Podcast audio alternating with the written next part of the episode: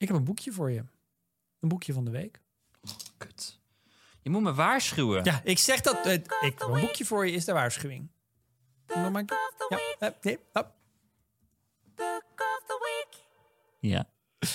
Dit is het gehate pomonderdeel pom onderdeel in de geschiedenis van POM. Die mevrouw die op jingles. Fiverr stuurde mij... mag ik het gebruiken in mijn portfolio? Toen zei ik, natuurlijk mag dat, Felicia. Geen enkel probleem. Geen testimonials van de community erbij zetten, want die zijn niet mals.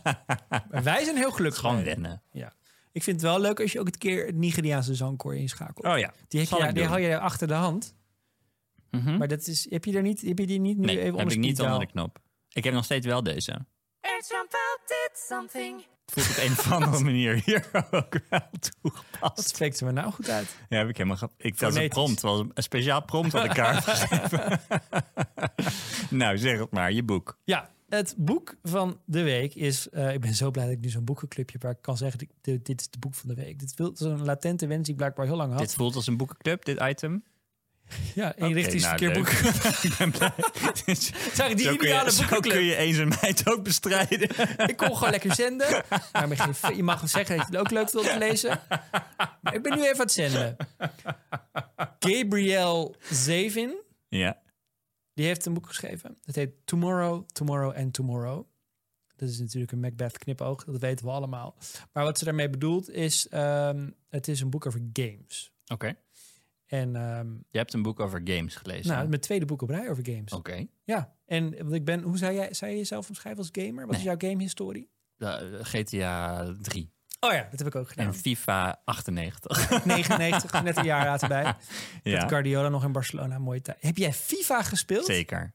Maar je houdt helemaal niet van Maar voetbal. er waren hier niet zo heel veel spelletjes die je op je GeForce 3 kon spelen. Oh ja. Dat was niet echt... eh, Dat is gewoon. June 2000.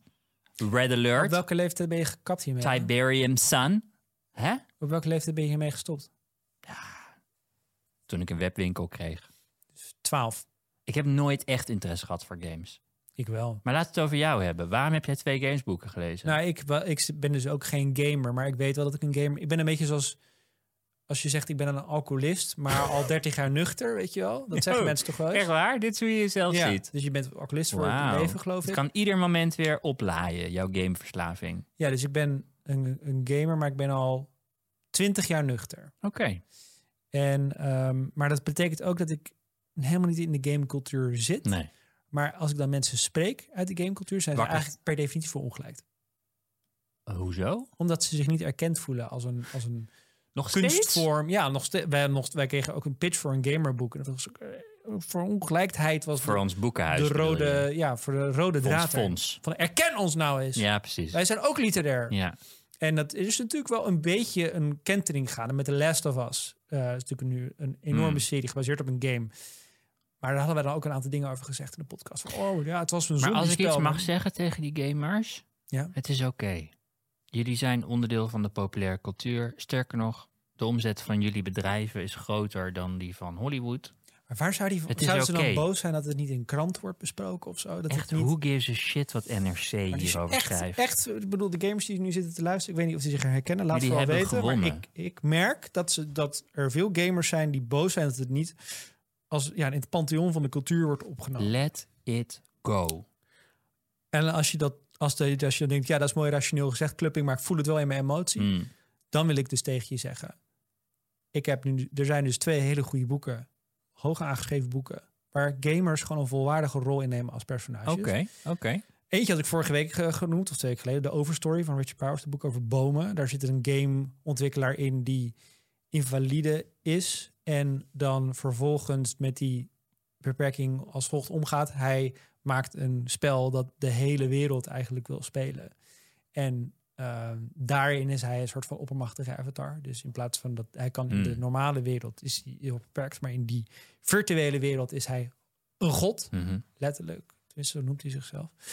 En eh, dat, dat vond ik een hele vette verhaal. Maar nu heb ik dus een boek gelezen van Gabrielle Zevin. En eh, daar gaat het over een, eh, een stel, of nee, ja, een, een, twee partners, zakelijke partners, die game developer zijn. Sam en Zadie. En wat ik heel vet vind aan het boek, zij, zij ontmoeten elkaar in het ziekenhuis waar eh, Sam ligt omdat hij een ongeluk heeft gehad. En Sadie is op bezoek bij de zusje en ze raken bevriend. Want het is eerst sinds Sam het ongeluk heeft gehad dat hij überhaupt met een mens praat. En dan gaat vervolgens, Sadie altijd daar op bezoek. Ze ontwikkelen een vriendschap rond games. En als ze elkaar, ze raken elkaar even uit het oog.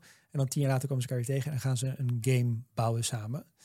En uh, daarvoor over de hele wereld mee. En wat ik heel vet vond daaraan, en dat, is, dat sluit volgens mij aan bij waarvan gamers al denken dat het zo onderschat wordt, is dat het een creatieve uitingsvorm kan zijn van bijvoorbeeld persoonlijk trauma of dromen van de gamemakers. Dus Mhm. dit in allebei die boeken, zowel de, zowel de Overstory als in Tomorrow, Tomorrow en Tomorrow, zie je hoe die gamemakers eigenlijk een wereld creëren die een reactie is of een gevolg is van de trauma's of beperkingen die zij in hun leven hebben, waar ze dan door een verbeelding op los te laten eh, duizenden, zo niet honderdduizenden mensen in laten meedelen.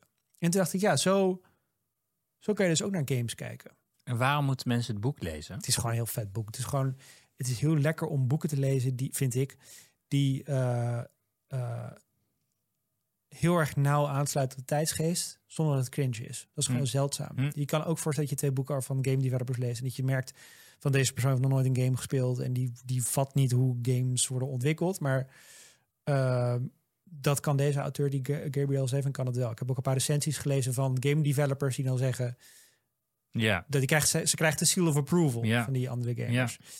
Ehm, dat vond ik heel vet. En wat ik heel tof aan vind, vond ik ook in die verhalen in de overstory, is een soort van de maakbaarheid die eruit spreekt. Dus dat er mensen zijn die de verbeelding hebben, verbeeldingskracht en de executiekracht hebben om mensen onderdeel te maken van een wereld die zij voor zich zien. En een game is daar natuurlijk een, een hele mooie vertelvorm voor, omdat je er daadwerkelijk als gamer onderdeel van die wereld bent. Ik bedoel, elke, elke film, elk boek, elke serie is het gevolg van iemands persoonlijke struggle, Mhm. verbeelding.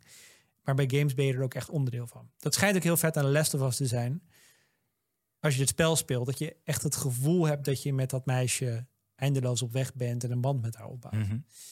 Ehm, dus ik ben geen gamer, ik ben al twintig jaar nuchter, maar ik kan hier wel van zulke boeken alsnog op afstand van genieten. Listen to the full episode of Pom on Podimo from Denmark.